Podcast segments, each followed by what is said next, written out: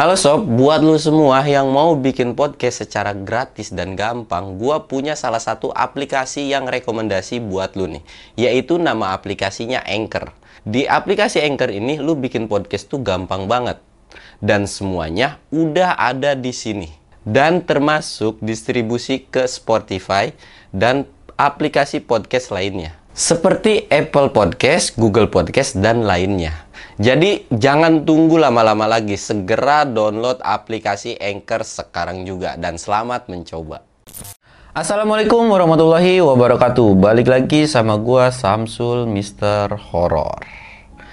Ya, lagi-lagi penonton bayaran gua nggak ada.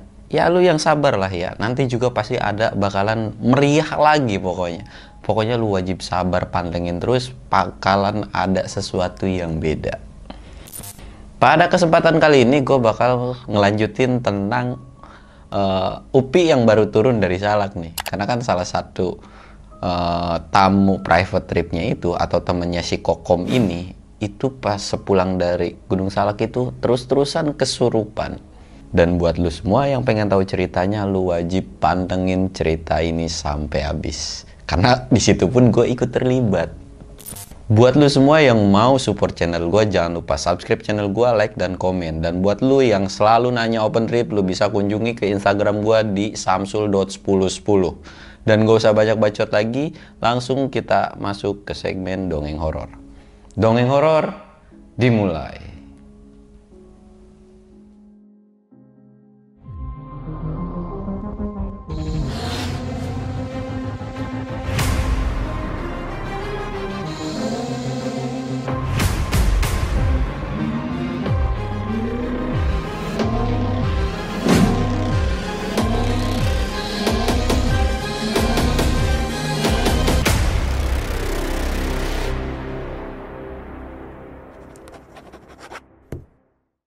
Sebelum masuk ke ceritanya, ritual kayak biasa.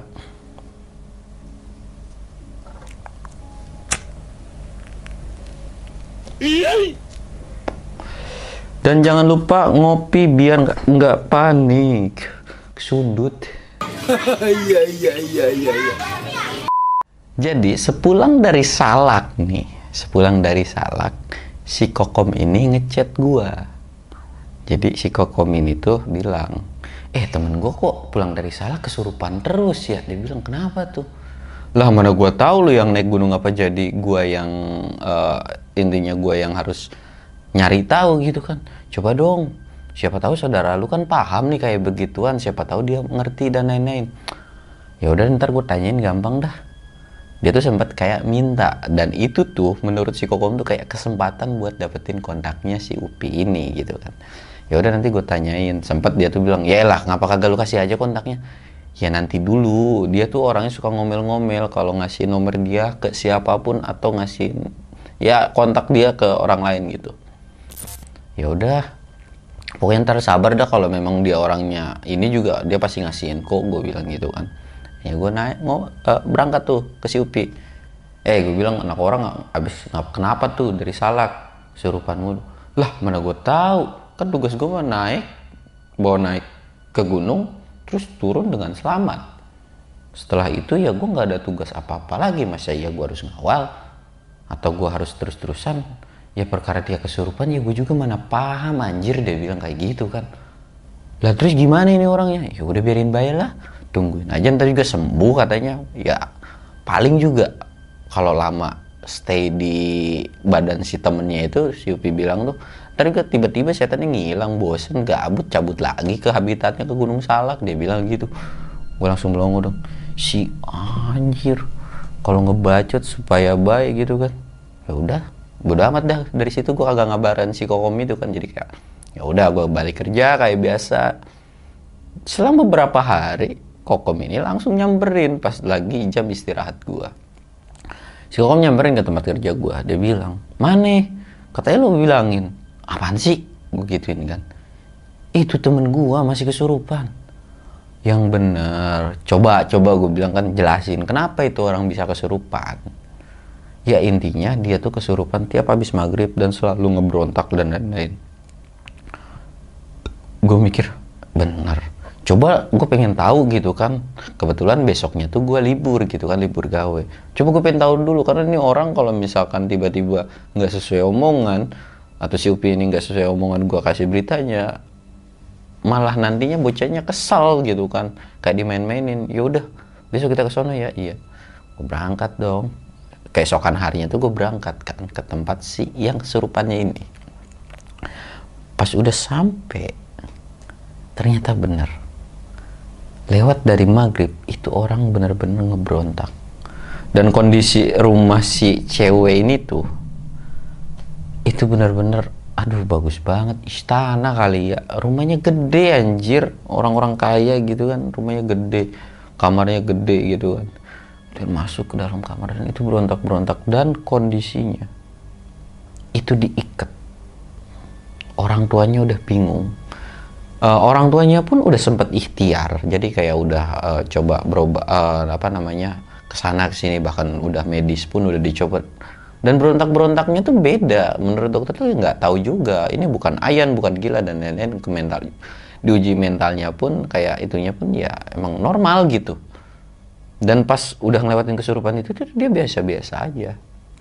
Sampai akhirnya gue merhatiin aja ini orang ngapa ya? Tapi yang gue prihatinin tuh ya tangannya diikat gitu kan. Ya walaupun diikat bukan pakai tambang yang sakit ya kayak kain doang gitu kan. Tapi kan tetap aja kalau berontak itu kan pasti ada berbekas gitu kan di tangannya.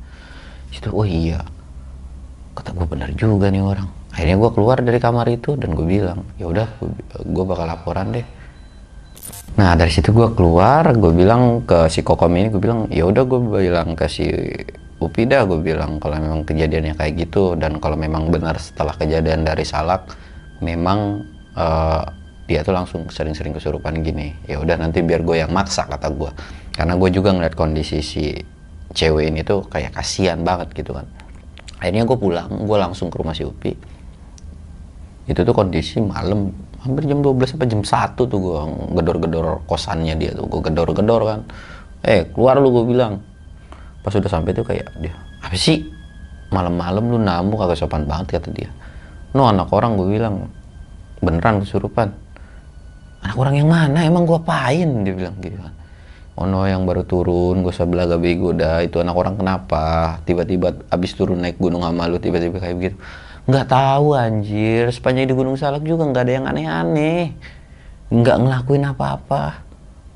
Ya kalau masalah kesurupan ya dia juga bingung. Dia tuh garuk-garuk kepala gini ya terus gimana? Orangnya minta ya minta tolong lah intinya sama lu. Kali lu aja lu paham atau lu mau dibawa ke mana kayak gitu. Atau lu kenal orang pinter atau kenal kiai supaya bisa ngobatin. Ya udah dah.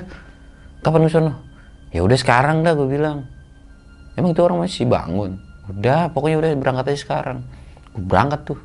Sekitar jam 2 malam gue berangkat set gue berangkat.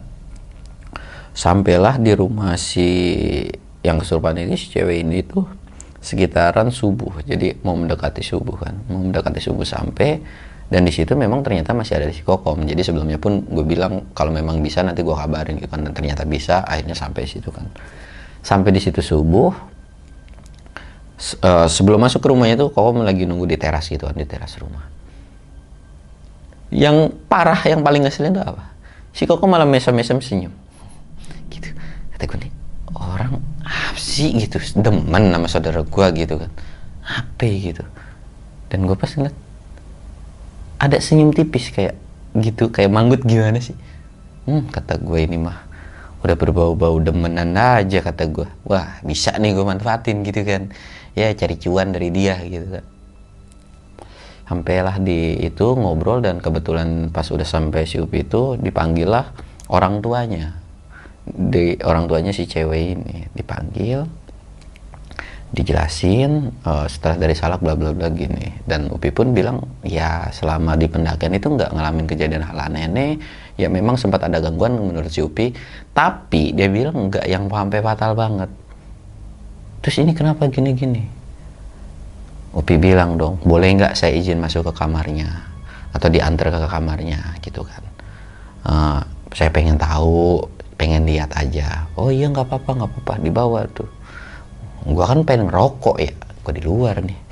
Udah sana masuk lu. Apaan lu masuk masuk lu? Ikut lu sama gua. Lah lu yang punya urusan gue di sini cuma nganter lu. Lah gue mah cuma maklar doang anjir. Lah gue mau ngerokok. Lu udah gue bayar kata si Upi kemarin kan lu sempet terima. Ya iya cuma kan kagak sampai segini. Ya udah lu ikut ntar aja kan nyebat mah gampang dia bilang. Terus gimana? Ya udah pakai gitu. Tarik tuh gue digusur. Masuk tuh di celana celinguk masuk kamarnya kan dilihat. Baru sampai masuk pintu dibuka. Uh, jadi agak jarak kamarnya kan memang luas gitu ya. Cuman begini doang. Udah yuk keluar lagi. Lah tuh gue aneh banget nih bocah gue bilang. Gue kan gak, masih belum banyak nanya ya karena gue nggak mau rusuh di rumah orang apalagi dengan gue yang sering berantem tuh sama manusia gitu kan. Keluar. Gue nggak tahu intinya si Upi itu ngomong sama keluarganya. Ngomong sama keluarganya jadi si Upi itu bilang udah lu sono lu mau nyebat nyebat dah. Gue mau ngobrol dulu sama orang tuanya. Dan bahkan si kokom pun nggak tahu gitu kan. Ya akhirnya gue ngobrol sama si kokom kan. Upi ngobrol sama orang tuanya tuh. Gue nggak tahu apa yang diobrolin. Ya udah gue mau ngobrol di luar tuh. Lagi ngobrol-ngobrol gitu kan sempat gue ledekin lah lu suka ya bla bla bla gitu kan ngobrol panjang lebar. Sampai akhirnya ada kayak suara kaca pecah benerang gitu kan ya pokoknya kaca pecah gimana sih gue langsung kaget dong lah itu suara apa si kokom pun sempat kaget Astagfirullahaladzim kata si Kokom tuh. Itu apaan su? Lah gue juga gak tahu. Coba masuk ke dalam dalam. Masuk ke dalam lagi kan. Dan pas di dalam itu nggak ada suara. Uh, di dalam tuh nggak ngedenger suara kaca pecah. Sempat kayak, lu ngapain pada masuk? Tadi ada suara kaca pecah. Alah kagak ada suara apa-apa. Orang tuanya si cewek itu pun bilang, nggak ada kok nggak ada suara apa-apa. Gua masih kokom cuma nengok-nengok. Ya udah yuk keluar lagi ya udah gue lanjutin lagi tuh nyembat nah jadi kondisi si kamar itu si kamar si cewek itu tuh ini teras uh, kamarnya tuh ada di sebelah kanan dan itu kayak di lantai dua jadi dari lantai dua itu kan dari posisi gue di teras itu kelihatan. Dari ujung kaca tuh kelihatan. Itu ada yang terbang. Jadi kondisi kan gue ngerokok begini. Tapi depan gue tuh ke sana gitu. Anjir gue bilang cuman begitu. Langsung nunduk. Ngapain lu? kata si kokom gak nggak apa-apa. Udah kita ngobrol lagi ngobrol lagi. Akhirnya gue ngobrol tuh dari situ ngobrol lagi pas udah ngobrol kayak gitu tiba-tiba si kokom pamit. Dia bilang udah mau pagi nih gue mau pulang dulu. Uh, tolong lurusin temen gue ya dan salam buat Upi. Bilang aja gue udah bilang kok gue nggak bisa lama-lama dan kalau memang udah ini pun gue mau pulang gitu. Lalu nggak pamitan dulu gue bilang sama orangnya udah nggak apa-apa dia udah tahu kok gue udah izin juga. Oh ya udah deh lu hati-hati dah. Karena kondisinya pada saat itu kok kamu bawa mobil kan. Yakin lu nggak mau diantar? Enggak, ya udah udah biasa kok lagi juga deket dia bilang. Ya udah lu hati-hati kok kamu pulang pas kok kamu pulang akhirnya nggak lama pun si Upi keluar gitu kan sama si keluarganya itu keluar. Nah si Upi nanya koko mana? Dan si orang itu oh koko kayaknya udah pulang deh tadi sama pamitan bla bla bla gitu kan. Mau gitu. Ya udah ya udah kita juga berdua izin pulang pak dan lain-lain. Oh ya udah makasih ya. Uh, dan di terakhir tuh ada omongan. Tolongin ya mas gitu. Iya pak. Insya Allah kalau memang saya bisa insya Allah saya tolongin. Pulang loh Heng pulang kan. Dan gue pulang kagak ke kosan gue lagi-lagi gue bolos kerja. Jadi pas pulang tuh gue yang nganterin kan harusnya ke rumah dia. Dan pas itu juga emang perjalanan cukup jauh dari rumah ini ke kosannya si Upi itu. Gue bilang ah gue udah bolos kerja lagi baik ya udah gue numpang tidur dari tempat lu. Ya udah lu tidur tidur aja. Tapi sebelum tidur ntar antar gue ya. Ntar kapan? Besok udah besok istirahat dulu ke mana? Ya udah antar aja. Nggak bisa nolak kan gue bilang gue gitu. Ya enggak lah orang ada duitnya. Ke mana? Ya udah ngikut aja. Ya udah dah gue ngikut. Akhirnya gue tidur tuh. Dari situ gue coba ya nelpon orang tempat kerjaan. Gue bilang gue bolos ya gue sakit. Ya karena pada saat itu kan ya gue bikin surat sakit gitu kan. Gue sakit gini-gini gitu kan dan itu gue nggak bawa baju nggak bawa apa. Jadi gue salin pakai baju Upi nah dari situ udah satu hari gue nginep di situ dan pas malamnya itu gue cerita sama dia kan. Gue bilang eh kok dari kamarnya si cewek itu? Gue bilang keluar kuntilanak ya. Itu apa anda? Ya gak tahu. Mana gue tahu lagi nih lu yang lihat ngapa jadi nanyain ke gue lu tanya aja mau kuntinya kata gue ya lah jawab ke setidaknya gitu kan apa? Kasih tahu gue ke soal-soal begituan. Nggak tahu gue nggak tahu menau ke soal begituan. Udah udah biarin aja mau kuntilanak mau keluar dari jendelanya ke mau dari lubang sumur ke biarin baik emang apa sih urusan sama lu? Iya dah gue bilang. Udah gue malas lagi. Gue nggak ada bahasa apa pun lagi. Gue cuman nganterin si Upi nggak tahu ke mana. Jadi dia ngeboncengin gue kan. Dia ngeboncengin gue berangkat tuh berangkat sampai pertengahan jalan. Gue udah mikir nih ini orang mau ke mana gitu kan? Tujuannya gue tahu ke satu daerah daerah yang bakal dituju itu. Tapi bener atau enggaknya gue masih belum tahu di pertengahan jalan. Kita ngeres dulu. Pas lagi ngeres gue ngebaca WA uh, baca ini kan kayak si kokom tuh ngabarin gue eh lu mau pada ke mana? Gue ikut dong gue ikut dong. Gue cuma ngasih tahu noh kokom mau ikut. Kita udah tengah nih gimana ya udah ajak aja.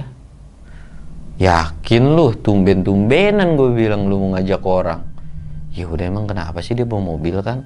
Lagian juga di sini ada temen gue dia bilang. Motor kita titipin nanti biar si kokom yang bawa mobil kita bisa tidur nyenyak dia bilang. Bener sih ya udah. Suruh ajak aja. Ya gue gue balas kan gue bilang. Ya udah gue tunggu sini sini dan eh, memang karena memang suka kali ya si kokom ini akhirnya berangkat tuh. Berangkat disusulin ya nunggu beberapa jam. Dan pas sudah sampai situ pun ya gue nitipin motor ke temennya. Kita cuma nunggu ngopi nyebat nggak tahu habis kopi berapa gelas gitu kan. Sampai datang itu jam ya sore lah. Sore mau mendekati maghrib nyampe. Dan itu langsung diterusin kan.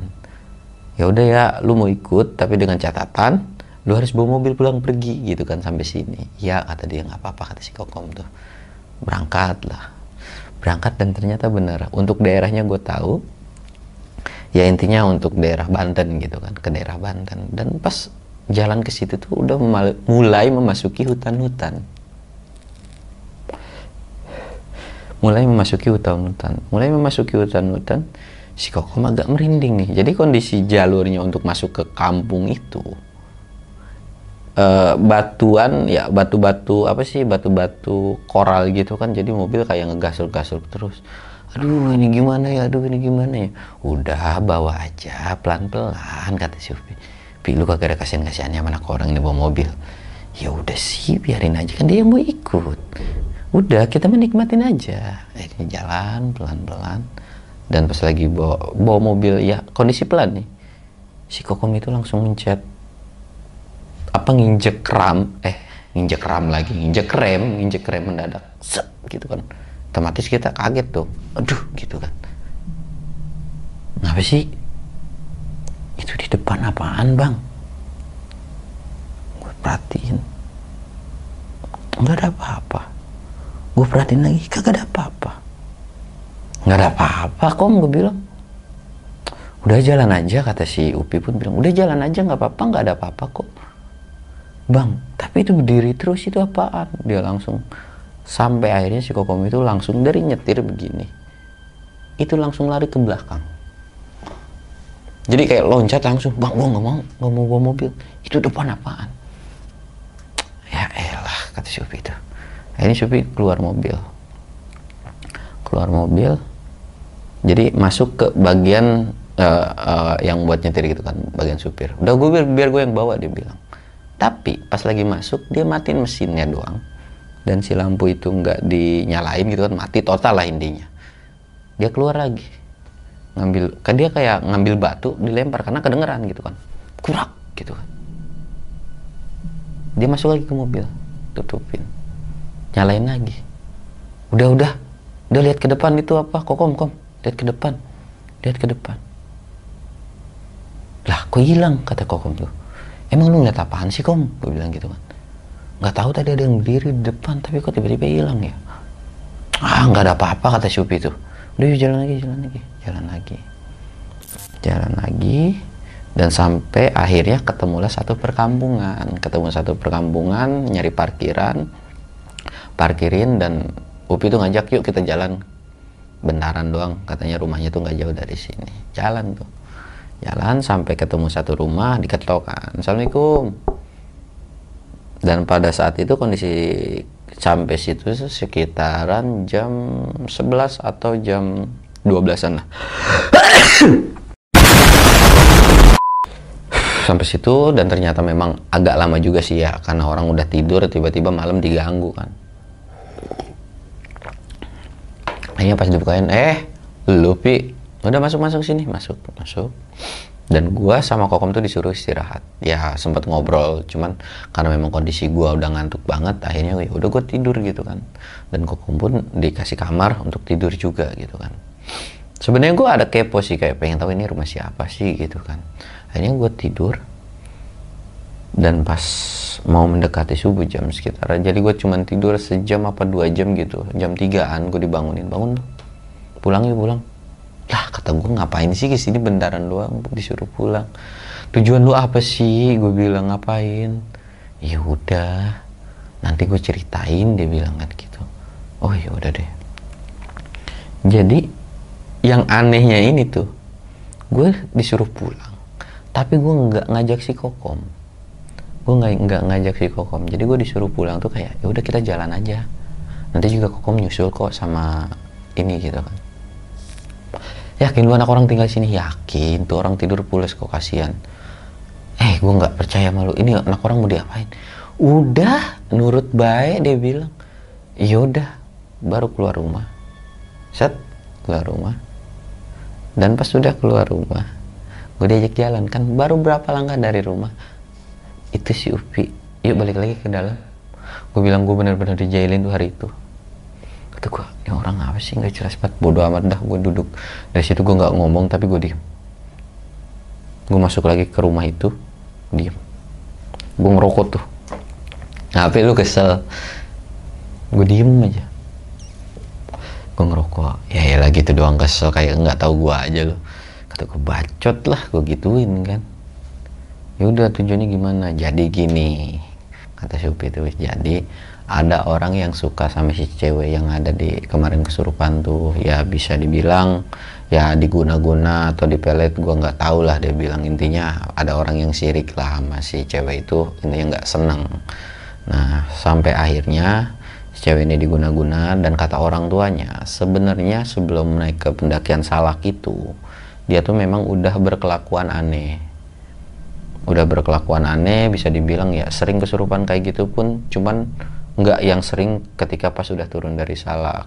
Nah pas udah uh, turun dari salak nggak tahu gimana menurut si Upi ada yang ngikutin. Jadi bisa dibilang ya udah sama ditempelin setan dan setannya pun seneng juga sama tuh anak. Jadinya ya ke trigger dan terus-terusan kesurupan gitu. Nah terus gue bilang solusinya apa anjir ya kita obatin lah dia bilang. Ya kalau bisa syukur-syukur alhamdulillah kata dia. Kalau kita ikhtiar berhasil ya alhamdulillah. Kalau enggak pun ya udah gitu.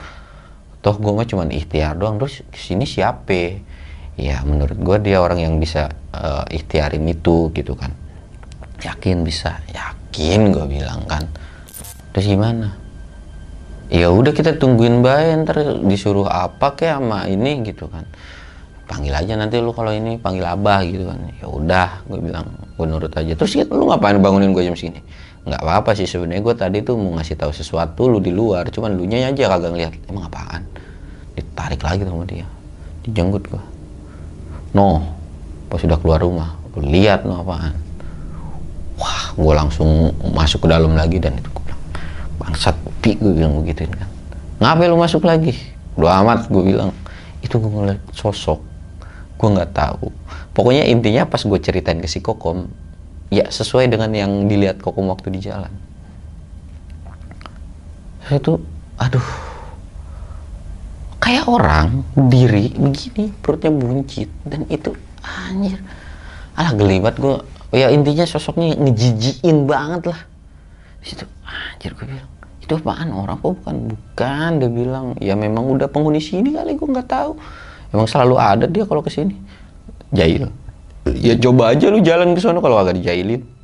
Ah udah gue bilang gue pengen cepet-cepet pulang dah. Gue kagak pernah mau ngeliat setan. Makanya gue males gue bilang ngikut-ngikut lu tuh selalu ada aja penampakan gue bilang kan gitu.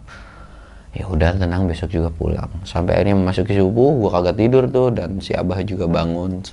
Terus ngajakin sholat gitu kan berjamaah sholat. Dan pas sudah selesai sholat dikasih tahu "Ah, nanti coba tolong kasih air ini minumin dan eh, kalau bisa si orang kesurupan ini ajak sholat kalau memang dia Islam orang tuanya juga sholat bacain doa dan lain-lain lah intinya banyak lah yang disuruhnya.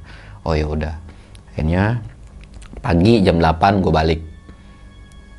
Gue balik sampailah ke Jakarta langsung itu kan. Gue nggak bakal nyeritain si Kokom karena memang si Kokom tuh cuma ngikut-ngikut doang dan dia tuh cuma ngeliat kejadian pada saat bawa mobil doang dan pas pulang pun itu yang bawa itu si Upi gitu kan. Jadi ya udah. Dari situ yang paling ngeselinnya sebenarnya kan gue ngeres itu di tengah perjalanan bawa motor. Si Upi bawa mobil. Eh si Kokom tuh bawa mobil. Dan pulang si Upi sama si Kokom tuh bawa mobil. Gue ditinggal selalu bawa motor. Gimana? Nggak kesel coba. Ya gue dikasih bensin sih. Udah lu nanti nyantai-nyantai aja. Gue kasihan nih cewek gitu gitu iya gue cuman gitu doang. Sampai akhirnya gue nyusul gitu kan dan sampailah di rumahnya si yang kesurupan ini. Sampai ke rumahnya kesurupan ini bilang di situ tuh pas gue sampai itu nggak ada obrolan apa apa ya. Si Upi pun kayak biasa-biasa aja ngopi di luar. Gimana itu mengobatin orang? Biarin aja nanti aja lah. Karena kan kesurupannya dia bilang habis maghrib. Ya udah kita tungguin aja habis maghrib bener nih? Iya. Si Kokom pun bilang penasaran kan si Kokom. Pun gue ng- ngeliat boleh ya? Ya boleh tapi jangan panik dia bilang. Tungguin aja pokoknya. Ya udah. Dan orang tuanya si cewek ini tuh dibilangin kalau memang mau ngeliat silahkan. Tapi kalau enggak jangan kaget jangan teriak. Biarin aja kata si itu ya gitu kan. Kita ngopi asar lewat sampai akhirnya kita sholat maghrib berjamaah dan lewat maghrib benar. Si cewek ini teriak-teriak. Selesai sholat tuh langsung kedengeran teriak-teriak ngejerit-jerit. Ah ah gitu kan.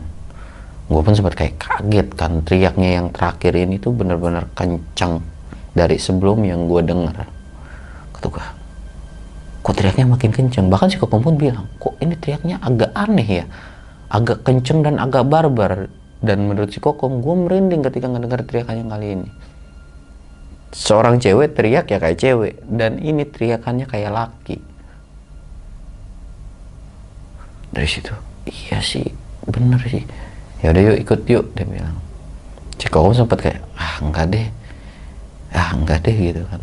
Si kokom tuh nggak ikut dulu nggak ikut dulu buat naik. Jadi gua upi sama orang tuanya naik kan set naik. Sebelum dibuka upi bilang jangan kaget ya. Baca banyak bacain doa aja Bismillah aja. Buka. Truk. Buka pintu dikit sek. Kiri kanannya si cewek ini. Ada yang ngedampingin. Gua dari situ langsung kayak begini dong. Astagfirullahaladzim itu apa anjir? Cuman begini dong nunduk nih. Anjir. dan orang tuanya tuh juga sempet kayak takut gitu kan. Jadi udah ngeliat jadi kayak melipir ke tembokan gitu kayak nggak mau lihat Mas Upi itu apa? Mas Upi itu apa? Kan saya bilang nggak usah kaget. Ya udah Bismillah aja. Upi nggak tahu ngambilin ke eh, si air yang dikasih dari sana tuh diambil dikucurin ke tangan terus dikepretin doang. Set gituin doang. Dari situ gue ngeliat lagi sosok itu nggak ada. Tapi si cewek ini masih ngebrontak masih teriak-teriak. Masih teriak-teriak diobatin dibacain doa dan setelah itu agak tenang agak tenang agak tenang. Sampai akhirnya tenang kayak pingsan gitu. Dan pas sadar Upi langsung nanya ini siapa? Dijawab. Dan ternyata udah sadar benar mutlak eh, si orang itu gitu kan. Coba ceritain kenapa lu bisa kayak gini. Dan ternyata benar. Dia tuh sebelumnya tuh sempat suka sama cowok dan menurut dia setelah putus dari itu cowok dia tuh jadi kayak gini. Terus apa yang udah lu lakuin sama itu cowok? Yang nggak ada karena gue udah nggak nyaman aja sama itu cowok. Oh gitu terus ditanya lagi dong lu sempet pernah dikasih apa sama dia? Dia bilang tuh gua nggak tahu sih kayaknya dia nggak pernah ngasih. Coba inget inget inget inget inget inget. Bener nggak ngasih? Sampai akhirnya Upi bilang lu sering bawa tas mana? Boleh gue periksa nggak tas lu? Boleh tuh ada di lemari gitu kan. Dikasih tahu orang tuanya diambil. Jadi di tasnya itu tuh kayak ada apa ya? Bentukan kepala. Kepala apa ya? Kepala hewan kepala tikus apa gue kagak tahu. Pokoknya intinya kepala hewan aja dalam tasnya itu. Dan itu kebungkus sama kain putih. Jadi dibungkus kain putih terus ada uh, jadi kayak kotak kado gitu di situ.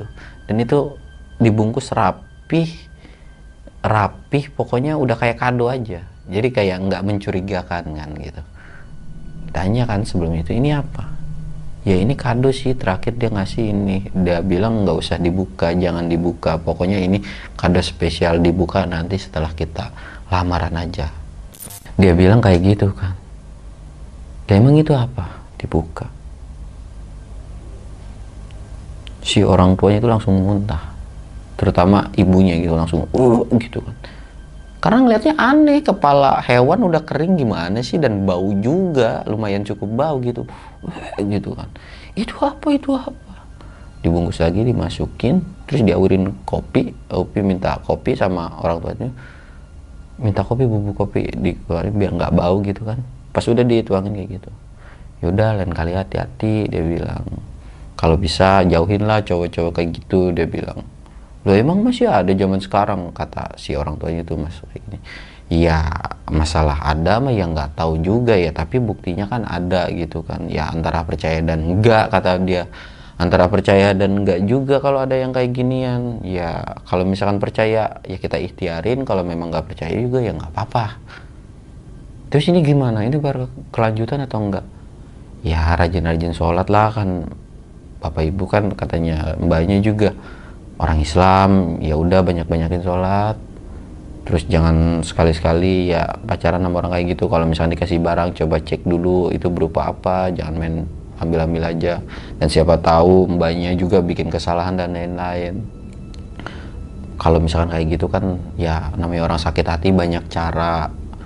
Kata si Upi itu kayak gitu. Dan nggak lama lagi ngobrol-ngobrol kayak gitu kokom lari dari bawah so naik ke lantai dua dengan kondisi kengang gitu kan. Ngapain lu kom? Di bawah ada kuntilanak dia bilang.